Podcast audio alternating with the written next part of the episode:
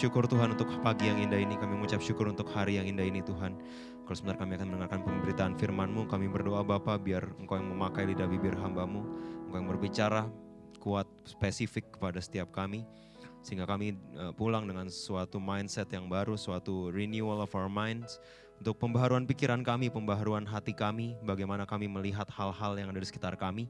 Terima kasih Bapak, kami berdoa Bapak berbicara kuat dalam setiap kami. Eh, biarkan hati kami menjadi tanah yang gembur, tanah yang siap untuk menerima firman-Mu. Di dalam nama Tuhan Yesus Kristus kami sudah berdoa dan mengucap syukur. Amin. Amin. Oke. Okay. Silakan duduk. You may be seated.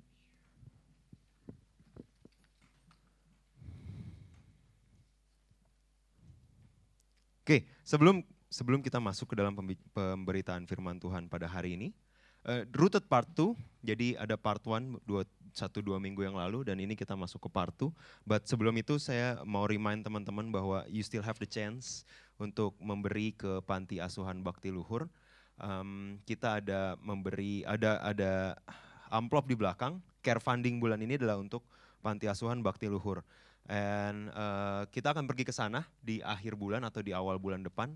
So make sure ini masih kamu masih punya kesempatan untuk memberi ke panti asuhan ini, panti asuhan untuk anak-anak yang uh, cacat uh, secara mental. Nah, ne, uh, kemudian berita yang kedua adalah, do you guys remember Dince? Ada yang ingat Dince? Ingat?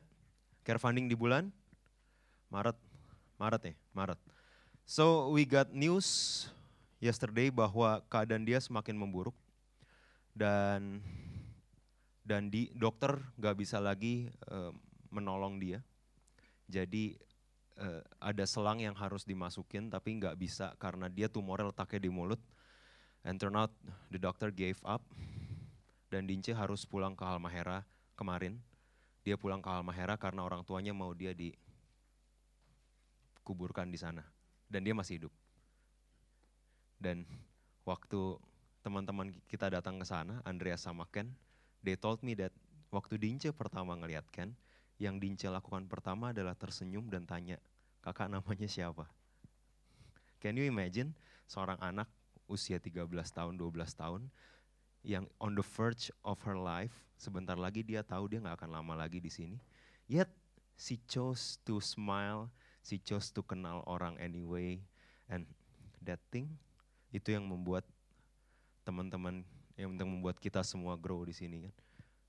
To know that amidst dua minggu lalu kita belajar there is a reason in every season dalam semua musim dalam hidup kamu ada ada alasan Tuhan mengizinkan kamu di sana.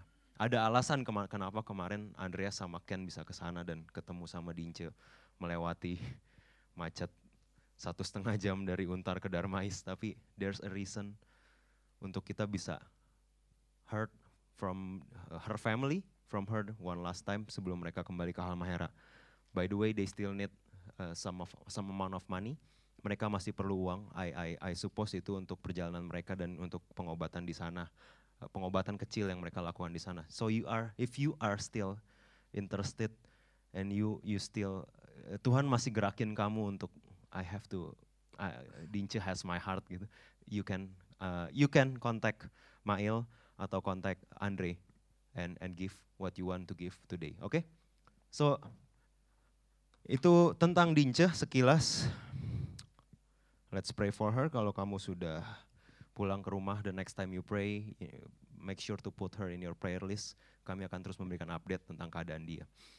Then oke, okay, we uh, go into our sermon today. It's still rooted rooted growing in Christ. Colossians Kolose 2 ayat 6 sampai 7. Kolose 2 ayat 6 sampai 7. Kalau yang boleh kita bisa dibuka di Kolose 2 ayat 6 sampai 7 dikatakan seperti ini. Kamu telah menerima Kristus Yesus Tuhan kita. Karena itu hendaklah hidupmu tetap di dalam Dia. Hendaklah kamu satu berakar, rooted di dalam Dia dan dibangun di atas Dia dan dan hendaklah kamu bertambah teguh dalam iman yang telah diajarkan kepadamu dan hendaklah hatimu melimpah dengan syukur. Oke, okay, so minggu dua minggu yang lalu kita udah belajar tentang berakar. What is rooted? Apa itu pandangan tentang rooted yang benar? Uh, mengapa berakar itu jauh lebih penting daripada bertumbuh? Dan this week kita akan belajar tentang dibangun di atas Dia, dibangun di atas Tuhan. what does it mean untuk dibangun di atas Tuhan? Apa sih artinya untuk dibangun di atas Tuhan? Saya ulang sedikit yang uh, dua minggu yang lalu dikata, uh, kita belajar bahwa ada ada siklus dalam pertumbuhan di mana sebuah benih akan jatuh, kemudian dia mati dan dia berakar kuat, baru kemudian dia bisa keluar ke atas, baru dia bisa grow. Jadi ada dua. Yang pertama adalah rooted, dia harus berakar dulu, baru kemudian dia bisa grow. Not to mention setelah grow baru dia mulai fruitful. Masih ingat? Oke. Okay. So this is the, ini siklusnya dan setelah fruitful buahnya akan kembali men, menjadi biji dan rooted dan kembali seperti yang awal. Nah, sekarang we will uh, talk about grow. Nah, ada satu kisah yang luar biasa di Alkitab. Ada dua orang still same, masih sama, kisah yang sama. Ada dua orang yang bernama, ada dua orang raja, yang satu namanya Saul, yang satu namanya Daud. And we are going to have a lot of lessons. Kita akan belajar banyak dari dua tokoh Alkitab itu hari ini. Now, sebelum saya lanjut, ada tiga, tiga jenis soil, tiga jenis tanah yang membuat, yang membedakan antara Daud dengan Saul. Oke? Okay? So I'll, I'll, I'll, I'll give you the explanation tentang tiga jenis tanah ini dan we're finished ada tiga jenis tanah yang yang membedakan and ya as we go kamu akan melihat oh ini yang membedakan antara Saul dengan Daud. Yang pertama adalah surfing. Yang pertama apa? Surfing atau melayani. Bukan surfing. Selancar. Yang kedua adalah intimacy. soil of intimacy. Yang ketiga adalah community. As we go today, kita akan belajar tiga hal ini. Ada tiga jenis soil, tiga jenis tanah yang membedakan kenapa Daud bertumbuh, kenapa Saul stuck. Meskipun Saul punya modal yang jauh lebih banyak. Kalau kalian baca atau kalian ingat, Saul handsome, he's tall, he's rich, wealthy, but ada ada advantage yang dimiliki Daud yang gak dimiliki oleh Saul dia rooted di tempat yang benar. Dia punya soil yang benar, dia punya tanah yang benar. Serving, intimacy, dan community. Let's start. Soil of serving. 1 Samuel 15 1 Samuel 15 sebelum saya masuk boleh dibuka dulu 1 Samuel 15 kalau teman-teman bawa Alkitab. So soil of serving, serving melayani kata dasar dari melayani itu adalah Avad namanya.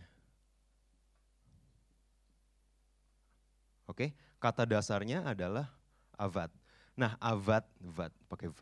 Avad ini ternyata waktu saya ngecek yang mind blowing adalah kata dasar dari serve melayani apa? Avad. Kata dasar dari work bekerja adalah avad. Jadi kerja dan pelayanan memiliki root kata yang sama. Wow. Dan hari ini kita membedakan antara pekerjaan sama pelayanan. Ngapain pelayanan capek-capek nggak dapat duit? Ngapain saya capek-capek ke, ke gereja membantu komunitas saya, do, do things that I don't like. Sementara saya kalau di kerjaan, saya dibayar per jam. Ternyata kata kerja dan kata pelayanan punya dasar kata yang sama. Buat Tuhan gak ada bedanya. Pekerjaan yang kamu lakukan hari ini itu adalah pelayananmu. Karena gak setiap kita dipanggil untuk melayani sepenuh waktu. Iya gak? Gak setiap kita dipanggil, kita pikir kalau dipanggil Tuhan untuk melayani itu kesannya ke yang jadi gambaran misionaris. Misionaris ke ke pedalaman kayak gitu kan dipanggil Tuhan untuk pelayanan. Hey, let me tell you this. Even mengerjakan pekerjaan yang kamu lakukan hari ini di tempat kerja kamu ataupun di rumah kamu, itu adalah pe pelayanan. That's God calling. Mari kita jangan mengkotakan panggilan Tuhan itu orang-orang yang uh, sepenuh waktu di gereja, orang-orang yang S sarjana teologi dan lain sebagainya. Change your mind. Hari ini kamu usaha pun itu adalah panggilan Tuhan buat kamu. Further, kamu ngurus anak pun buat uh, buat cici-cici yang di sini yang ngurus anak itu adalah panggilan Tuhan buat kamu kamu beresin pekerjaan di rumah pun yang disuruh itu pun pelayanan. Sih, karena kata dasar dari work sama serve itu sama. Buat Tuhan semuanya avad. Itu adalah to serve atau to work. Nah, yang sering kali kita lakukan adalah kita terjebak bahwa pelayanan itu beda sama pekerjaan. Kalau pelayanan saya segini aja, kalau pekerjaan saya baru serius atau kebalikan. Kalau pekerjaan saya gini, yang penting saya waktunya buat Tuhan di pelayanan. Sih, sementara yang Tuhan bilang, no no, it's the same thing. Apa pun yang ditemukan tanganmu untuk dilakukan, lakukan dengan segenap hatimu. Pengkhotbah bilang kayak gitu. Kalau setiga bilang apa? Lakukan segala sesuatu seperti untuk Tuhan dan bukan untuk manusia. Segala sesuatu, baik itu work maupun serve. Nanggap? Nah, panggilan Tuhan, panggilan Tuhan itu itu adalah intersection atau itu adalah irisan dari tiga hal. Yang ke satu, gift and skills, talenta kamu, bakat kamu, ya kan? Yang kedua adalah need of the world, kebutuhan orang lain yang kamu penuhi. Dan yang ketiga adalah your truest desires, keinginan kamu yang paling dalam. Nah, banyak kita masih sering dengar ada ada oke, okay, most of adik-adik kita atau bahkan teman-teman kita masih nanya, I don't know, apakah ini benar-benar panggilan saya atau bukan? Apakah memang saya kerja di bidang ini atau bukan? Apakah memang Tuhan maunya saya di industri ini atau enggak? The answer is, uh, your calling, panggilan kamu nggak akan jauh dari your talents, nggak akan jauh dari kebutuhan yang kamu harus penuhi dan gak akan jauh dari your truest desires, your passion. Tapi masalahnya ketika manusia jatuh dalam dosa yang rusak adalah desires. Iya kan? Desires kita nggak lagi buat orang lain tapi untuk diri kita sendiri. Nangkep? Kita udah kehilangan desires yang Tuhan mau kita miliki. And instead kita mulai punya desire, saya harus sesukses dia, saya harus sesukses orang tua saya, saya harus at least lebih besar penghasilannya dari si A. Desire kita mulai berantakan ketika dosa timbul di hati kita. Nah, yang kita harus hati-hati adalah desires. Karena gift and skills itu mulai, I don't know, most of us hari ini udah average age di sini kan 24, 23, 24, 25 I don't think kamu masih mikir talenta saya apa ya. Kayaknya harusnya hari ini udah mulai kelihatan. Saya itu baik di menghitung, saya itu baik di ketelitian, saya itu baik di serving others, saya itu baik di service industry dan lain sebagainya. Itu harusnya mulai kelihatan as you go. Give and skills mudah kita lihat. Yang next adalah kebutuhan. Ada nggak orang yang perlu itu? Saya passionnya nonton. Pertanyaan saya berikutnya adalah, apakah dengan nonton kamu bisa memenuhi kebutuhan dunia atau enggak? Adakah orang yang terpenuhi kebutuhannya dengan kamu nonton? Ayo dong nonton lagi dong.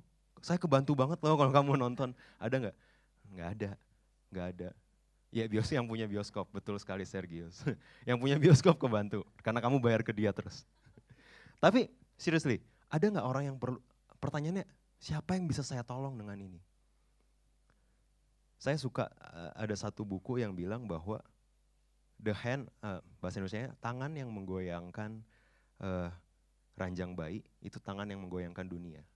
Karena even kamu cuma ngurus bayimu doang pun, you, you never know the potential yang anak kamu punya untuk nanti dia mengubah dunia.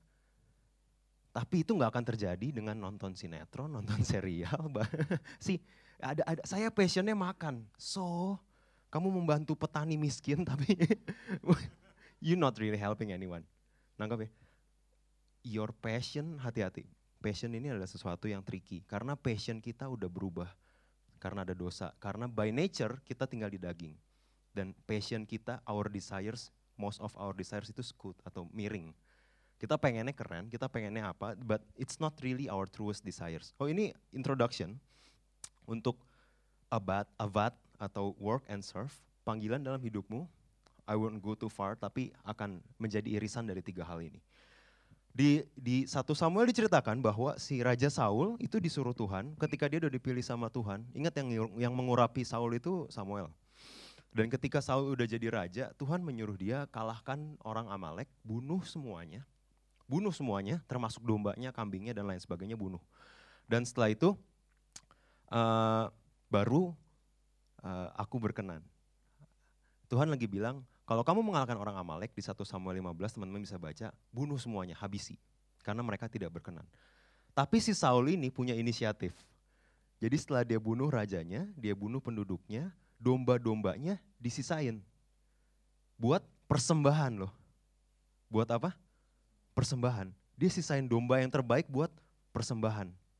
Tapi Samuel bilang kayak gini, apakah Tuhan berkenan kepada korban bakaran dan korban sembelihan sama seperti mendengarkan suara Tuhan? Sesungguhnya mendengarkan lebih baik daripada korban sembelihan. Memperhatikan lebih baik daripada lemak domba jantan. Tuhan Samuel lagi bilang kayak gini, your intimacy with God is more important than your popularity. Waktu kamu me, me, melayani, hubungan kamu sama Tuhan lebih penting daripada popularitas kamu. Si, si Saul dalam hal ini, dia menolak firman Tuhan karena dia bilang rakyat yang suruh. Rakyat pengennya domba yang besar ini dipersembahkan aja, jangan dibunuh. Dia kayak, so apakah saya salah? Eh, kalau kalau jadi Saul kamu mikir gitu nggak? Saya, saya ada dua raja nih ya, ada dua raja nih. Biar gampang nih, ada dua raja. Yang ke satu, dia disuruh bunuh domba, dia nggak bunuh karena buat persembahan. Oke, okay? ada raja satu lagi, nggak disuruh apa-apa, dia bunuh. Jenderal dia sendiri, perwira dia sendiri, cuma dia mau ambil karena dia mau ngambil istrinya. Menurut kamu, yang berkenan di mata Tuhan yang mana? Kebalik ya, bahkan Saul tuh nggak ngebunuh Saul enggak. dia cuma mau kasih persembahan, dia ditolak Tuhan. Si Daud udah bunuh, ambil istrinya, ya kan? Tapi itu yang berkenan katanya buat Tuhan. Hei, ternyata in serving itu deeper than just apa yang kelihatan. Bekerja ini jauh lebih dalam dari apa yang kelihatan. Saya ulang lagi yang saya sampaikan waktu di speak right. Apa yang kamu lakukan itu nggak sepenting why. Kenapa kamu melakukannya pekerjaan yang kamu lakukan, pelayanan yang kamu lakukan hari ini, what-nya itu nggak sepenting why. Karena ditulis di dalam Injil bahwa pada hari akhir semua pekerjaan akan dibakar. Dan kalau itu terbuat dari kayu, dari jerami, itu akan hilang. So, semua pekerjaan kamu yang dasarnya, why-nya untuk kepentingan saya sendiri, itu kamu nggak akan dihitung. Hei, ini this is a serious thing karena dengan dengan begini kita jadi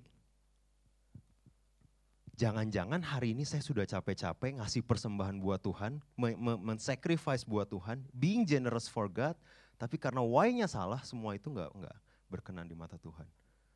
Sementara ada orang lain yang hari ini benar-benar nggak tahu Tuhan, yang dia hidupnya hancur-hancuran, tapi at some point of his life dia bertobat dan dia bilang, Tuhan I, I need nothing. Semua yang saya lakukan saya cuma menyenangkan Tuhan. Meskipun on the surface kelihatannya yang ini lebih rajin ke gereja, lebih rajin pelayanan, lebih rajin khotbah, lebih rajin main musik dan lain sebagainya. Tapi kamu bisa lihat, Tuhan bilang Saul ditolak Tuhan. Tapi Daud berkenan. Because the why is more important than the what. Kenapa kamu pelayanan, kenapa kamu kerja jauh lebih penting daripada apa yang kamu kerjakan. Oke. Okay? Nah, kita lihat bedanya sama Daud. Kita lihat bedanya sama Daud. Daud di 1 Samuel 17, uh, eh, dia lagi di rumah dan kemudian Isai bilang kayak gini, pergi ke padang, pergi ke kakak-kakakmu, bawakan roti yang sepuluh ini dan sampaikan keju yang sepuluh ini kepada pasukan seribu. Tengoklah kakak-kakakmu dengan selamat dan bawalah suatu tanda dari mereka. Nah, yang menarik adalah Daud setelah dia diurapi jadi raja, dia diurapi jadi raja di 1 Samuel 16. Kebayang ya? Kamu akan jadi presiden di di uh, pemilihan presiden berikutnya. Kemudian besoknya papanya ngomong, eh jualan sari roti dong di di pasar gitu. Kira-kira gue raja, iya kan? Iya kan? Daud di 1 Samuel 16 diurapi jadi raja sama Samuel. Di 1 Samuel 17 dia disuruh ngasih roti keju ke kakaknya. Lo pikir gue siapa gitu kan. Raja baru diurapi masih netes nih gitu. Minyak-minyaknya gitu kan. Baru diurapi jadi raja disuruh nganterin roti. Tapi yang dilakukan Daud dia setia. Dia setia dengan apa yang dipercayakan sama dia. Meskipun dia tahu panggilan dia jauh lebih besar dari itu. Translate to yourself today. Hari ini Tuhan pernah nubuatin kamu lewat pendeta-pendeta besar, kamu akan, bisnismu akan sukses, rumah tanggamu akan berhasil, Pekerjaanmu akan diberkati Tuhan, tapi kok kerjaan saya cuma fotokopi ya? Kerjaan saya kok cuma ngeprint ya sama editing dokumen bos.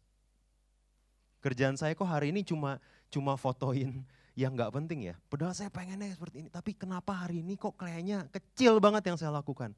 Hei, barang siapa setia dalam perkara kecil, Tuhan tahu dia siap untuk menerima perkara besar. So, surfing, avad, bukan soal besar kecilnya yang kamu lakukan. Tapi seberapa setia dan seberapa passionate kamu dalam melakukannya.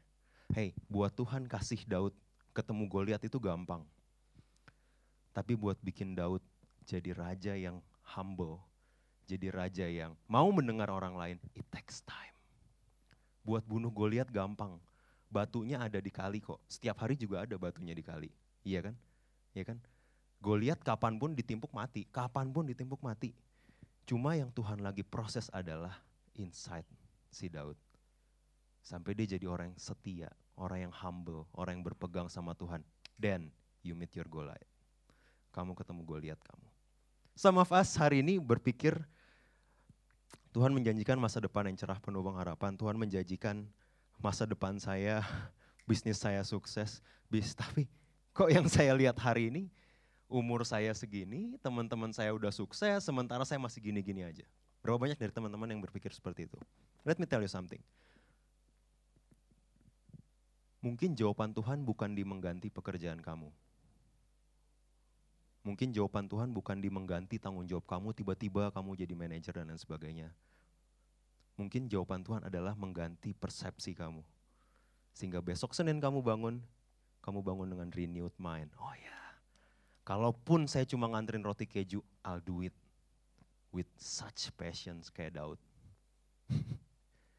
Kalau dia hari itu bilang, nganter roti keju, nih suruh aja kambing satu, gigit bawa ke sono gitu kan. Kalau Daud kayak gitu, dia gak pernah ketemu Goliat kan. Iya kan? But being humble being faithful sama apa yang Tuhan percayain itu yang membawa dia ketemu sama breakthrough-nya dia. So ask yourself today, seminggu ini kamu bangun pagi kesel, apa passionate? Hari minggu ini ketika kamu tahu kamu harus melayani, kamu bangunnya kesel, aduh pelayanan lagi, capek lagi. Atau kamu passionate? Hari ini kamu harus ke gereja, kamu kesel apa passionate? Kamu pulang dari kantor berpikir, what did I do with my life? Atau kamu passionate kayak, oh I learned so much today, saya belajar banyak hari ini dan saya harus saya harus apply besok. Itu yang membedakan, bukan bukan apanya yang dilakukan yang penting, tapi how you do it and why you do it. Remember? Avad itu bukan tentang kamu melakukan spek hal spektakuler kayak Saul, but it's more about being humble and being faithful sama apa yang Tuhan percayakan, meskipun hal yang kecil satu study, satu study di University of Warwick menunjukkan menuliskan bahwa well well mereka mem, mereka memperlakukan studi ini sebagai sesuatu yang breakthrough while di Alkitab udah banyak ditulis sebenarnya. Di di university ini di salah satu studi ini tulis bahwa orang yang happiness, orang yang happy, satisfy di tempat kerja itu led to 12% increase membawa kepada produktivitas yang naik 12%. Tapi orang yang kesel di tempat kerja itu menurunkan produktivitasnya 10%. Pekerjaannya sama, tapi yang satu melakukan dengan gembira, yang satu melakukan dengan bersungut-sungut. Bedanya bisa 22% loh performance-nya. Hey, let me tell you, kamu punya teman di kantor yang gak kenal Tuhan, tapi dia tapi dia bahagia dan bersyukur dalam melakukan pekerjaannya, sementara kamu bersungut-sungut, kapan Tuhan yang lebih besar? Perbedaannya bisa 20% menurut studi ini. Hasil yang kamu hasilkan. Cuma karena kamu bersungut-sungut ketika melakukannya. Karena there's no growth in serving or working that perceive as a burden. Gak ada pertumbuhan dalam pekerjaan apa pun, dalam pelayanan apa pun, yang masih kamu anggap sebagai beban. Kalau setiap dapat email dari Marlin dan kamu lihat nama kamu dan kamu bilang, oh, me again, gak ada yang lain apa gitu. Setiap selama kamu masih mikir kayak gitu, there is no growth di surfing, di working yang masih kamu pandang sebagai burden. Selama customer kamu komplain, kamu anggap itu burden dan bukan feedback yang growing your business, kamu nggak akan grow. See? Just the twitch, cuma penggantian di bukan mujizat spektakuler yang diperlukan, bukan suatu bos besar datang ke kamu dan bilang, eh besok terusin PT saya ya. mungkin, mungkin, mungkin, amin. Mungkin beberapa dari kita mengalami itu, but most enggak kan. Mungkin yang kamu perlukan cuma a tweak in your mind ketika roh kudus bilang, hey, be faithful. Be faithful. Gak ada yang lihat, gak apa-apa. Be faithful. You never know, kamu lagi ngantrin roti keju, then you kill your Goliath. Amin. Surfing, soil of surfing. That's the first.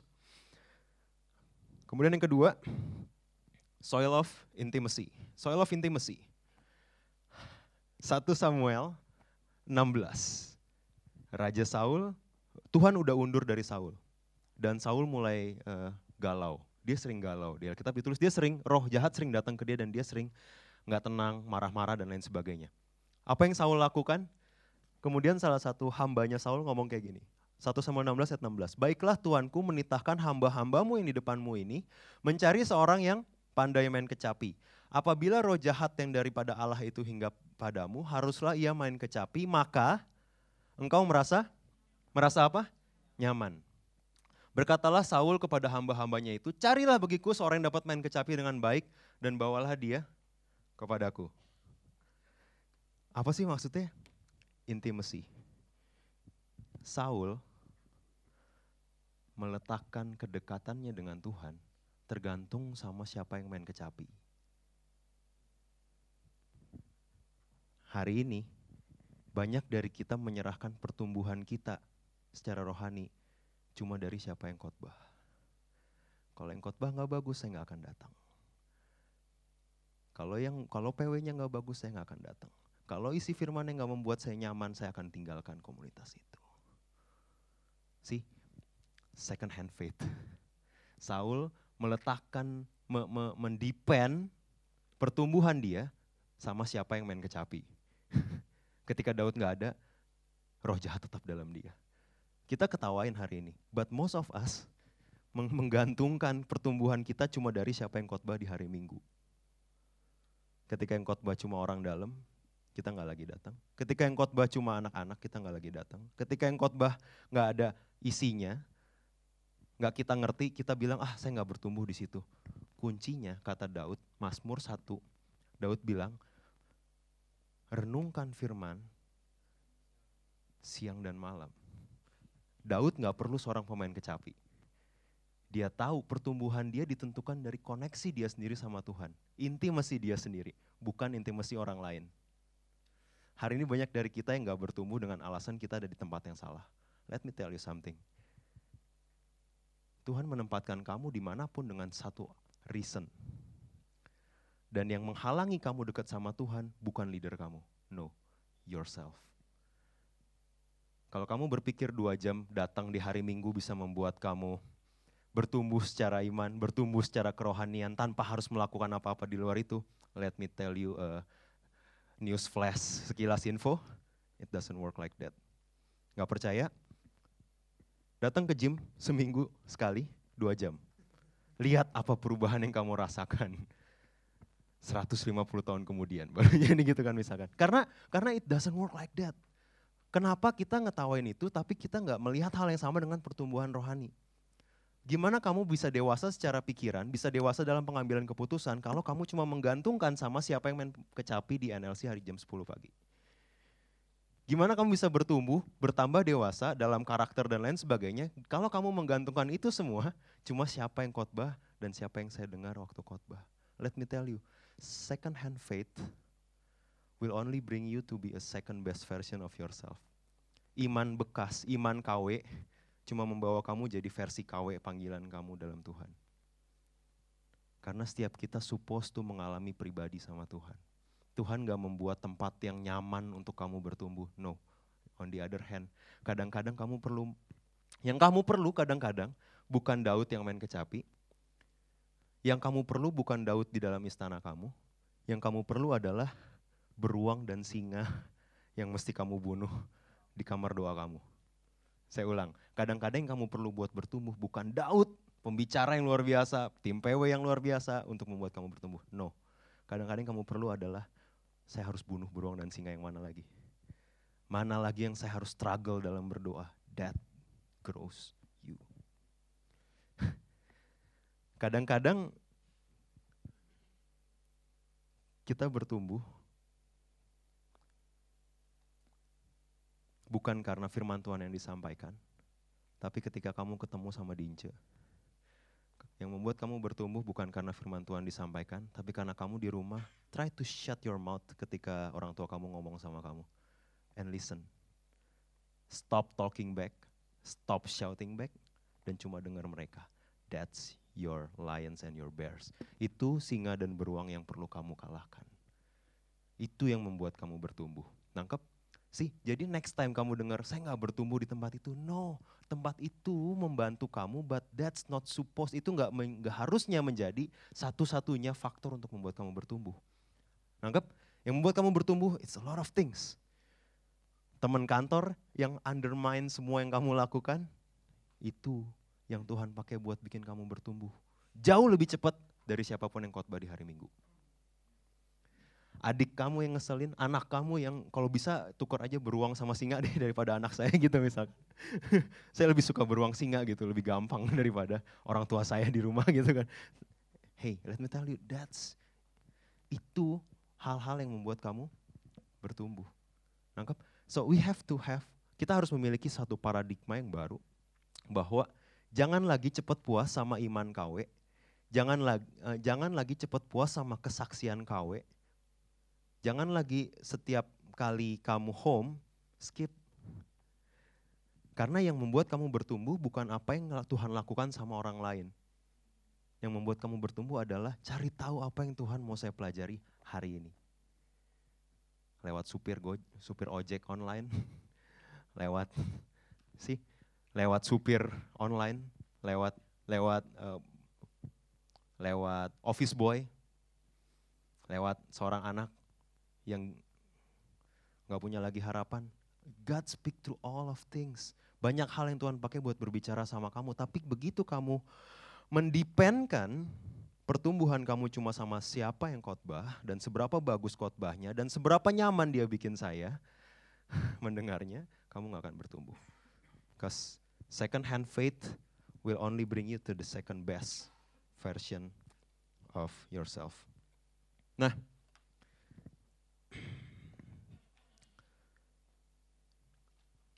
Yohanes 15 bilang bahwa barang siapa tinggal di dalam aku dia akan berbuah. Tapi barang siapa tidak tinggal di dalam aku dia akan dibuang. Dan barang siapa yang berbuah dia akan kupangkas supaya lebih banyak berbuah.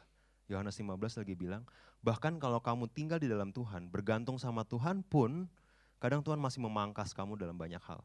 Banyak hal yang Tuhan izinkan sakit yang kamu rasakan, but that supposed to make you grow even more.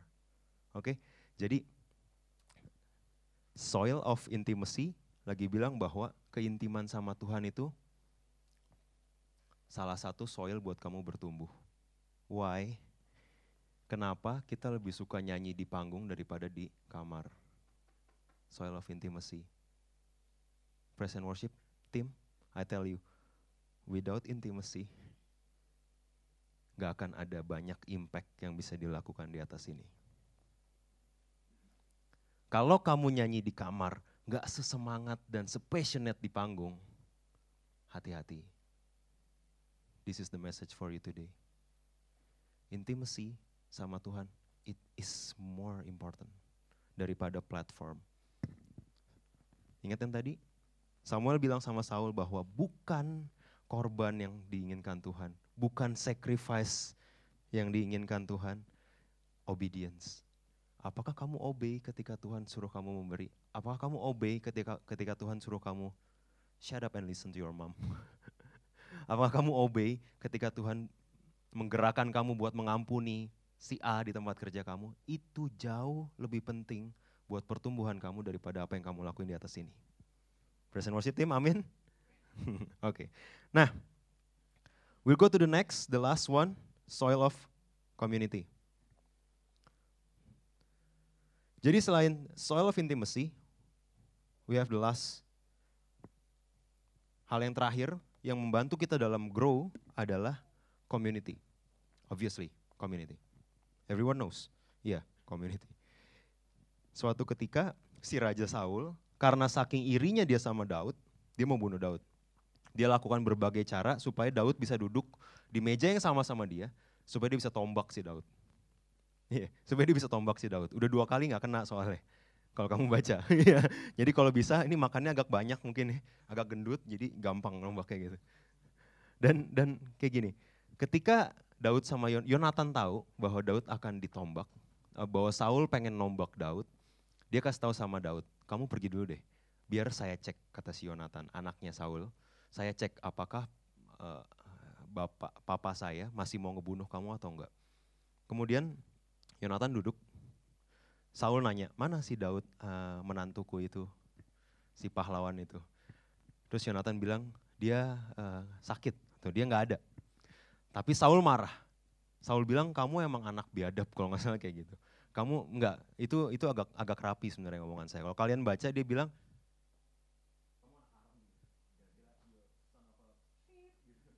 Padahal itu istrinya dia kan. Jadi kalau dia anak istrinya dia pip gitu kan artinya kan. Tapi dia ngomong kayak gitu. Dan dan kemudian Yonatan Yonatan kayak why? Mengapa ia harus dibunuh? Emangnya Daud ngapain?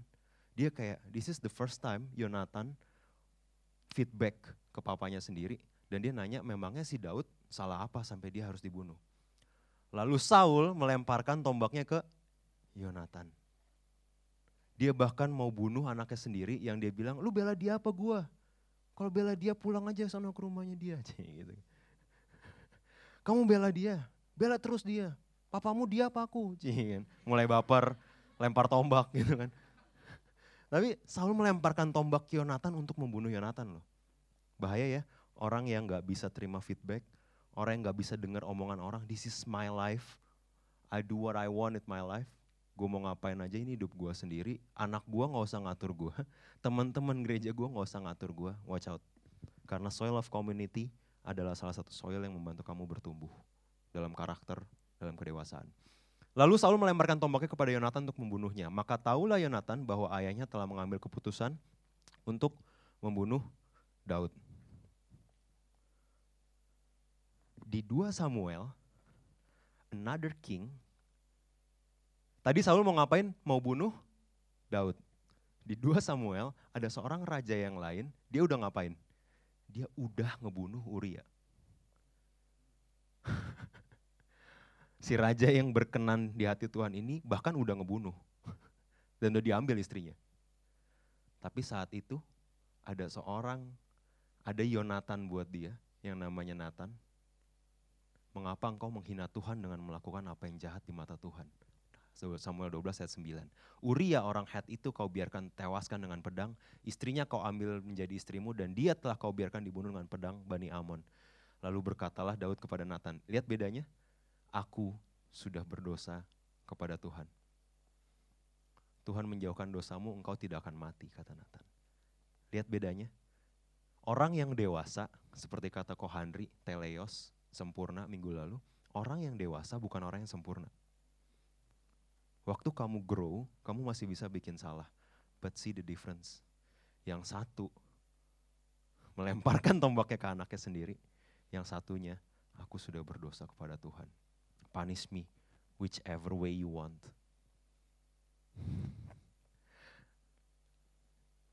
Orang yang dewasa punya accountability. Kalau dia salah, dia salah. Gak peduli siapa yang ngomong sama dia. Oh enggak, enggak. Kita sering kayak gini kan, ketika kita ditegur, apalagi yang negur bukan orang tua kita, kita sering kayak gini. It's just an example, nggak ada di sini orangnya. Lu siapa? Bokap nyokap gue aja nggak marahin gue, iya kan? Bokap nyokap gue aja ngasih, kenapa lu ngelarang-larang gue? Kita sering denger kayak gitu kan? Let me tell you something. Salah satu ability yang kamu perlu kembangkan dalam komunitas adalah ability untuk menerima feedback siapa pun yang memberikannya.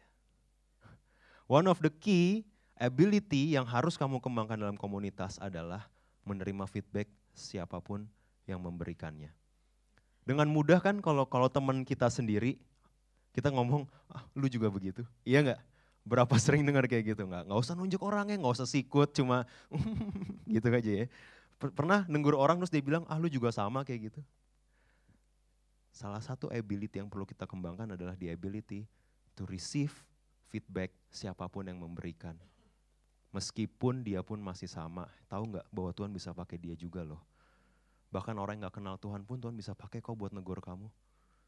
Masalahnya kalau kamu memilih untuk ditegur cuma kalau lagi dengar khotbah doang, pertumbuhan kamu akan lambat. iya kan? Tapi kalau kamu terima feedback dari siapa pun, oh ya, yeah, you're right. Ini kayaknya gak benar dan gue harus stop. Siapa pun yang ngomong, meskipun dia sendiri ngelakuin. Meskipun dia sendiri ngelakuin, tapi kamu bilang kayak, ya, yeah, this is not the right thing. Ini kayaknya, ini bukan gue, I have to leave it. Itu yang membuat kamu bertumbuh. That's why you need community. Which nggak akan terjadi kalau setiap ditanya ada yang mau di-share nggak? Skip. Emangnya family 100? Skip. Bener kan Nil? Bener kan ya? Skip. Pertanyaan saya yang lain adalah, kalau kamu nggak membuka diri di komunitas, people cannot give you any feedback karena mereka nggak tahu hidup kamu. But, tapi kalau saya cerita, dia bakal ngomongin saya. Kalau saya cerita sama dia, yang tahu se-GBI bukan Sungai Yordan, se-GBI. GBI Kanada tahu.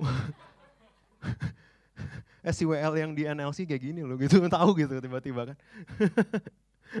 Tapi hey, di Amsal ada yang bilang kayak gini, kalau kamu mau kalau kamu mau hasil sapi, siap-siaplah bekerja dengan kotoran sapi. Kalau kamu punya kandang, kamu mau jual daging sapi dan susu sapi, kamu harus berurusan sama tai sapi. Saya nggak bilang yang ngatain kamu, yang fitnah kamu atau ngomongin kamu tai sapi ya, enggak, enggak. Enggak, enggak. Enggak. Saya cuma lagi bilang waktu kamu open up sama community kamu, waktu kamu open up sama community, ada kemungkinan kamu akan di ngomongin di belakang ada. I, uh, saya nggak bisa bilang semua leader di sini perfect with holy, halo hello di atas mereka gitu kan.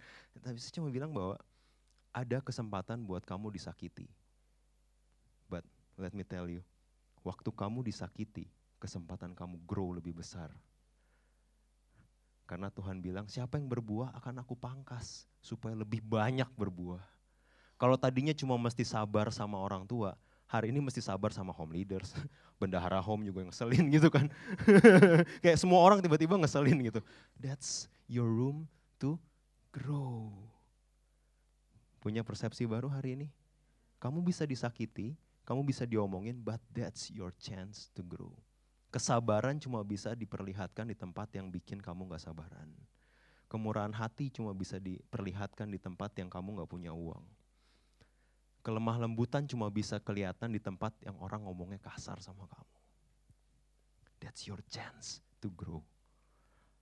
Community is very important. Nah, we we get hurt and get healed in community itu sebabnya. Kita disakiti dan kita pulih di komunitas. That's why it's very important. Nah, satu hal yang yang menjadi uh, yang perlu saya sampaikan selain ini adalah berpikir mengenai komunitas yang benar. Pergaulan yang buruk merusak kebiasaan yang baik. Alright, everybody know. 1 Korintus 15 ayat 33. Ayat pertama yang saya hafal itu. 1 Korintus 15 ayat 33. Pergaulan yang buruk merusak kebiasaan yang baik. Dan setelah itu kita datang ke gereja, kita terlibat di satu komunitas, dan kita serta-merta menganggap komunitas yang di dalam gereja itu baik. It's a bit tricky. Karena buat saya pribadi, waktu saya ada di Duri, waktu saya jauh dari rumah, ada dua tempat saya ngumpul. Tiga. Ke satu, tempat saya ngumpul sama teman-teman kantor, which berbagai kepercayaan. Kedua, teman gereja. Yang ketiga, teman kantor yang uh, Kristen, Kristen Protestan, Kristen Katolik, ya teman kantor yang Kristen, teman kantor kepercayaan apa pun, dan teman gereja. Yang saya perhatikan adalah Ketika saya kumpul sama teman gereja, isinya cuma komplain dan bersungut-sungut atas kepemimpinan yang ada. Every time. Gak pernah bicarain misi, gak pernah bicarain apa yang bisa dibuat. No, selalu komplain, sakit hati dan lain sebagainya. Jauh, seribu kilometer dari sini, bukan di sini. Teman gereja. Teman kantor yang gak percaya Tuhan, teman kantor yang gak percaya Tuhan, kalau saya ngumpul sama mereka, yang saya lakukan adalah ngapain? Masak-masak, normal things. Belanja, kemudian barbecue, kemudian nonton nonton bareng-bareng, nonton Conjuring satu bareng-bareng gitu kan. Eh, eh, normal things, normal friendship things. Waktu saya ngumpul sama teman kantor yang Kristen, apa yang kita lakukan? Karena teman kantor saya yang itu nggak boleh, kepercayaan itu nggak boleh, haram. Tapi yang ini, diskotik oke, okay. minum oke, okay. pijet oke. Okay. Ini yang KTP-nya semua Kristen. Let me ask you, buat saya pribadi, mana yang paling aman jadinya? Hah? Dengar persungut-sungutan orang, dengar komplain orang, diajak minum dan diskotik, atau saya uh, barbecue, nonton nonton bola bareng, mana yang paling aman? Bahaya kan? Bahaya kan? Kita pikir kalau udah di gereja pasti benar. Jangan sampai saya diperkenalkan di duri, baru mulai minum, itu karena teman-teman Kristen saya. That's not me, that's not who I am, I'm not enjoyed at all. That's why saya mulai membatasi, oh iya, yang membuat yang membuat saya aman adalah yang ini. Hati-hati. Home, home leaders, any division here? Apakah kamu sudah membuat environment yang aman buat orang bertumbuh? Atau cuma karena kamu di gereja dan you think kamu adalah komunitas yang benar tanpa berusaha untuk menjaga apa yang kamu lakukan? Halo? Nah, di bagian akhir, saya akan close setelah ini, but I, I need to saya perlu menyampaikan satu hal lagi, bahwa saya mencoba membagi siapa kita dalam komunitas menjadi beberapa kategori. Oke? Okay? Siapa kita dalam komunitas? This is the last one. Masih semangat? Jadi beberapa kategori. Ini people. Ini purpose. Dalam komunitas ya, konteksnya masih soil of community. Nah, setelah saya perhatikan, di komunitas mana pun, di komsel mana pun, di gereja mana pun, ada empat tipe orang. Kesatu adalah tipe orang yang dia people oriented, tapi nggak purpose oriented. Ngumpul ayo, jalan-jalan ayo, gitu ya. Tapi ngapain? Nggak ngapa-ngapain, yang penting kita friends. Ya bro, close banget CS gitu kan. Mau ngapain di sono nggak apa-apa, yang penting kumpul people oriented tapi nggak ada purpose-nya. Ini saya sebut community compromiser. Hati-hati. Is it good? At some point ya. Tapi kalau kamu nggak punya purpose sama sekali, percaya sama saya. At some point kamu akan mulai mengkompromikan value kamu cuma supaya bisa diterima oleh community itu. Halo. Oh kalau teman-teman saya kayak gitu saya harus ikut. Karena itu kan komunitas saya terlepas komunitas di gereja atau di mana pun nih. Komunitas saya, ketika kamu nggak punya purpose yang cukup kuat, kamu mulai masuk jadi community compromiser namanya. You sacrifice your own value just for the sake of acceptance. Oke, okay? and yang berdua adalah orang yang punya purpose, dia tahu komunitas ini harusnya kayak apa dan bentuknya harusnya kayak apa, tapi dia nggak punya relational ability sama orang lain hati-hati loh. It might works untuk untuk beberapa pekerjaan tertentu, tapi saya bisa bilang setelah saya umur berapa sekarang? 24. Jadi sekitar 8 tahun di dunia pekerjaan, I can tell you, 8 tahun di dunia pekerjaan, nggak satu pun pekerjaan yang gak membutuhkan kemampuan kamu relate sama others. Bahkan semakin tinggi jabatan posisi kamu nanti, amin, amin, semakin penting bisa relate sama orang lain. Likeability namanya. Baca Harvard Business Review. Likeability itu penting, serius. Kamu disukai apa enggak itu menentukan tadi produktivitas member kamu plus 10 apa eh, plus 12 persen kena buff atau minus 10 persen. itu penting ya? Gak apa-apa ya gak ngerti. Likability penting, oke? Okay? Jadi ada orang-orang, balik ke sini weh, balik weh. Jadi ada orang-orang yang dia punya purpose kuat, tapi dia nggak dia nggak bisa bekerja sama sama orang lain. Ini saya sebut community discouragers. Apa yang dia lakukan betul, apa yang dia katakan betul, but without the ability to relate with others, nggak ada yang dengerin kamu. Halo? Yang ada kamu menimbulkan perpecahan. Iya, gue gak bakal bisa sebagus dia. Dia emang bagus banget. Udahlah, gue emang bukan di sini tempatnya. Gue cari yang lebih mirip sama gue di tempat lain. Dia gak berhasil membawa komunitasnya ke purpose, tapi dia malah making people go away dari situ. Karena apa yang dia lakukan. Apakah yang dia lakukan salah? No. Dia punya purpose. But without the ability to relate, kamu cuma akan mendiscourage orang lain di sekitar kamu. Nangkap? Next. Community, ini dulu. Community builders. Hey, saya mau bilang sama semua home leaders di sini. Ini Iya bagus, idealnya semua home leaders ada di area area ini. Sekarang saya mau ngomong sama semua home members. Kamu nggak perlu tunggu jadi leaders buat ada di sini. Halo. Ah leader saya cuma gitu-gitu doang, cuma cuma WhatsApp doang kalau lagi hari H ngajakin ngumpul. Iya why don't you do something? Kenapa kamu nggak mulai lakuin sesuatu? Kenapa nggak mulai initiate something new? Apa yang menghalangi kamu? Emang leader kamu bilang, hehe lu nggak boleh ngomong, cuma gua boleh komen, boleh like, tapi nggak boleh ngomong. Nggak ada kan, ada home leaders yang kayak gitu, laporkan ke Sela di nomor di bawah ini. Nggak ada ya, nggak ada home leaders yang kayak gitu kan. You can do anything here. Kamu jalan-jalan, mau bikin inisiatif baru, siapa yang ngelarang? Nggak ada. Ini buk, ini area yang kami harapkan ada di semua home leaders. But even if it's not, you have to be here. Nangkep? Teman-teman yang hari ini compromiser, back. Apa sih purpose saya ada di home? purpose saya ada di komunitas ini apa sih? Gimana sih supaya saya bisa bertumbuh di sini? Gimana membuat semua coffee time saya jadi sesuatu yang berguna buat semua yang datang? That's yours. Kamu gak bisa nunggu semua home leaders datang dulu baru ngelakuin itu kan. Discouragers. Gimana sih supaya saya bisa relate? I get a big message, tapi kalau saya sampaikan dalam bahasa roh nggak ada yang ngerti kan? Iya kan? How you convey your message is as important as what your message is apa pesan kamu itu sama pentingnya sama bagaimana kamu menyampaikannya. Let's be a home, a community builders. Let's move from this part to build. Listen. Sometimes as leader we we like to speak, but most of time we need to listen. Just apa sih yang mereka concern? Apa yang bisa kita bantu?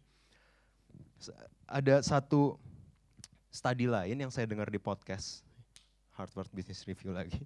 Tapi kayak dia bilang kayak gini Kamu dapat email. Siapa yang kerja di sini di kantor, email-email sama bosnya atau bisnis? Banyak ya. Kamu dapat email. Yang satu emailnya bilang kayak gini. Kerjaan dua minggu yang lalu yang saya kasih, sampai sekarang belum kelar. Lu ngapain aja? Kalau lu nggak kerjain, ini kita rugi segini. Oke? Okay? Terus si si Dr. Henry Cloud ini, psikologi, psikologi, psikologis, dan dia bilang kayak gini ke si bos ini Coba kamu baca email kamu barusan, ya. Kalau kamu yang nerima email itu, kamu bakal kerjain apa bakal discourage? Discourage. Oke, okay. let me rephrase it for you katanya gitu. Eh, kalimat emailnya jadi begini. Kalimat emailnya jadi begini. Hai X, uh, ingat gak dua minggu yang lalu kita komit untuk melakukan ini. Uh, boleh share nggak timelinenya sekarang udah sampai mana? kalau kamu ada kesulitan, what can I help for you? sih, intinya sama, intinya cuma lu gak bisa kerja, lu ngapain aja dua minggu ini. Tapi disampaikan dengan cara yang berbeda. Yang satu encourage and building the company, yang satu discouraging the whole company. Terlepas dari yang email itu Steve Jobs dan lain sebagainya. Siapa, sepintar apa pun kamu, you need others. Sehari kamu cuma punya 24 jam, you need others. Tapi bagaimana kamu membuild itu penting. Apakah kamu discouragers or you are builders? The last one.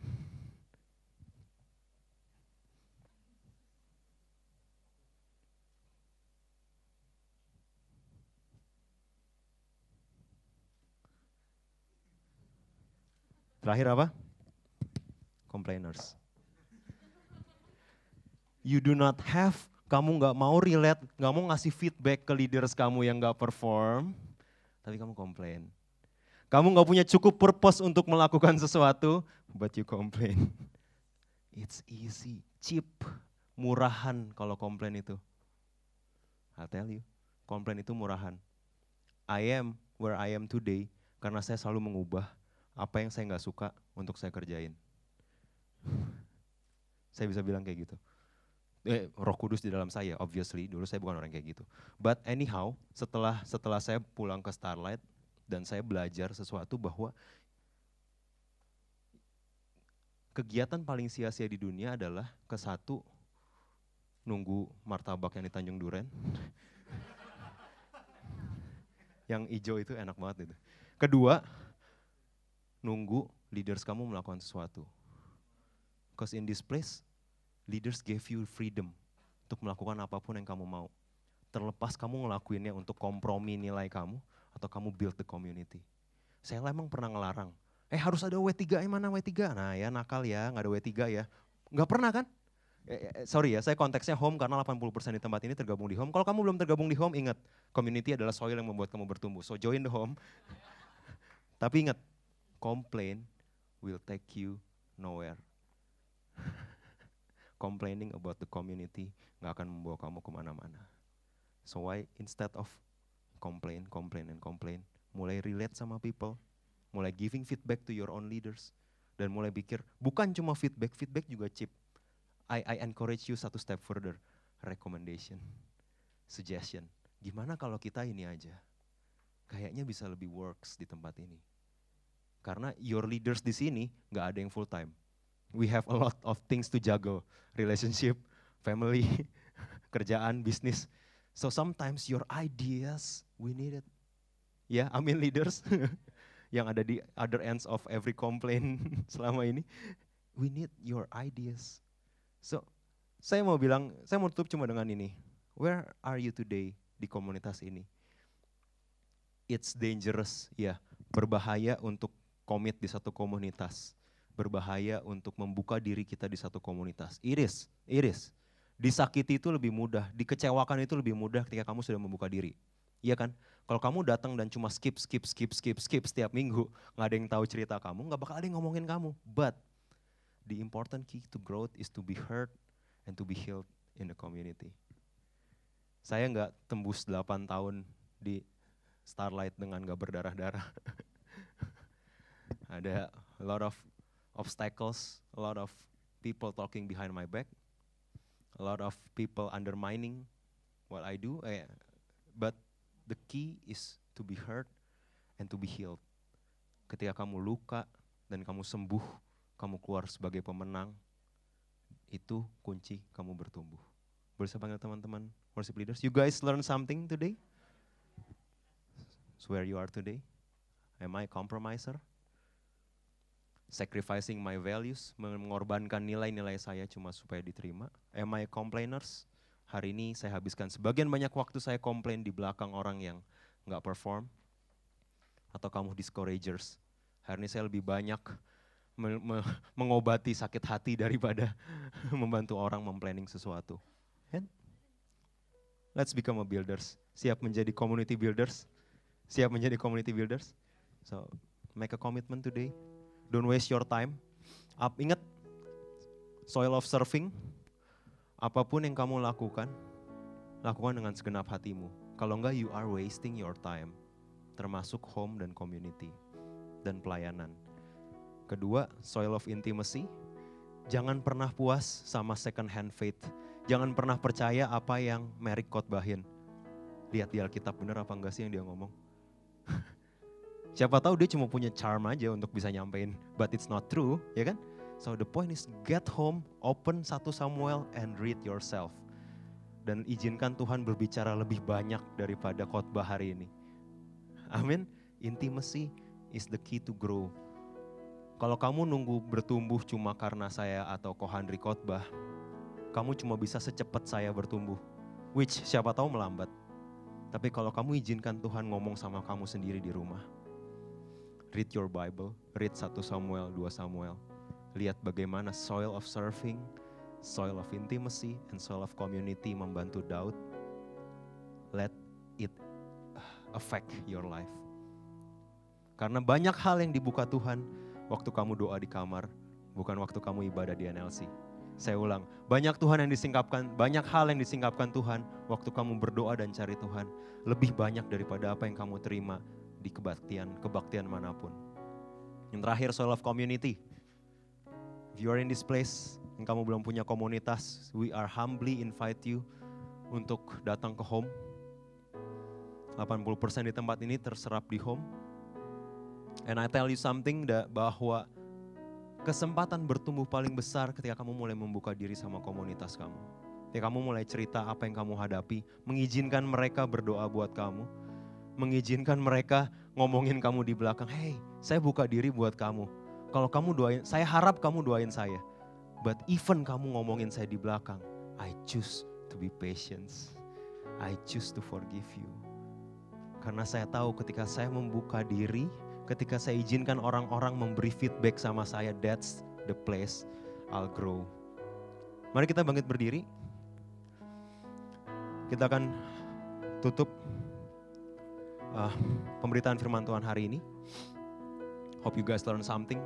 Dan hari ini soil of serving, soil of community, soil of intimacy. Which one yang Tuhan ingatkan kamu untuk bertumbuh? Some of us bangun di hari Senin dan kesel, hey, mungkin pekerjaan kamu gak berubah setelah dengar ini, tapi paradigma kamu bisa berubah.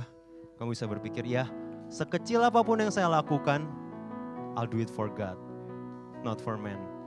Oke? Okay? So let's, mari kita sembah Tuhan sekali lagi sebelum kita tutup.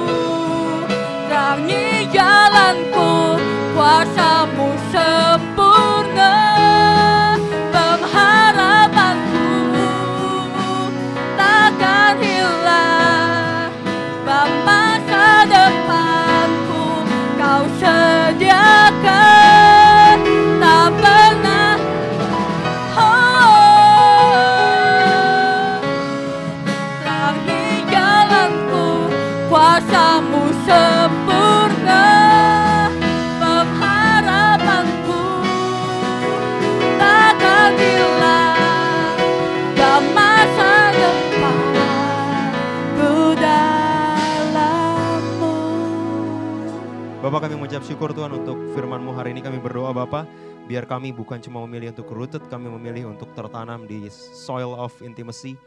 Di mana kami mencari engkau setiap hari lebih dari kami mencari popularitas atau apa pun yang bisa kami lakukan. Kami berdoa Tuhan kami punya soil of serving bahwa kami melayani Engkau dengan segenap hati kami, melayani Engkau bukan cuma di gereja, tapi menganggap semua pekerjaan yang kami lakukan adalah pelayanan di hadapanmu Bapa dan melakukannya dengan segenap hati kami, seperti untuk Tuhan dan bukan untuk manusia. Dan kami berdoa Tuhan untuk komunitas ini, di mana soil of community ini tetap menjadi tempat kami bertumbuh. Kami memilih untuk tempat menjadi tempat kami bertumbuh. Kami memilih untuk menjadi community builders, bukan lagi community discouragers atau community complainers ataupun yang community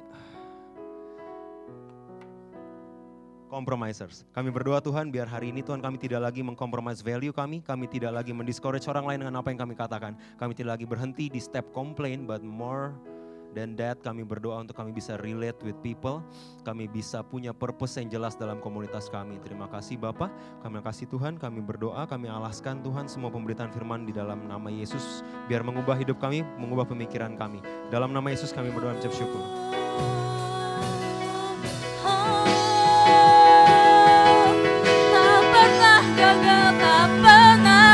Pernah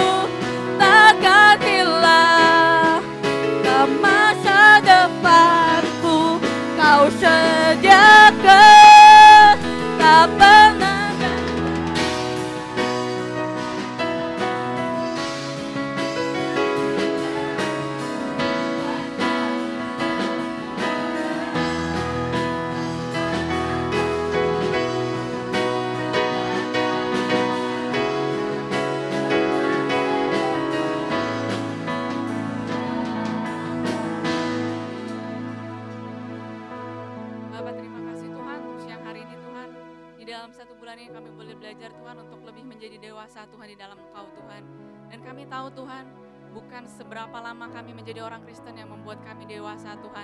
Tetapi ketika kami berakar di dalam Engkau itu yang membuat kami dewasa Tuhan.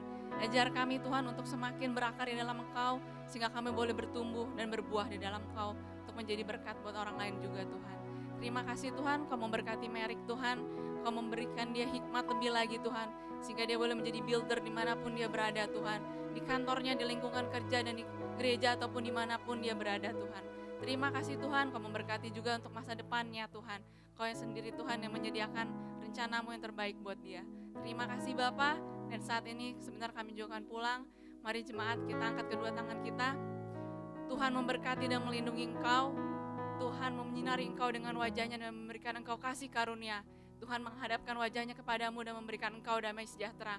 Terimalah berkat dari Allah Bapa, kasih setia dari Tuhan Yesus dan penghiburan dari Roh Kudus. Biarlah berkat ini menjadi berkat di mana pun kita berada dan siapa pun yang percaya, biarlah kita sama-sama katakan amin. Happy Sunday. Happy Sunday.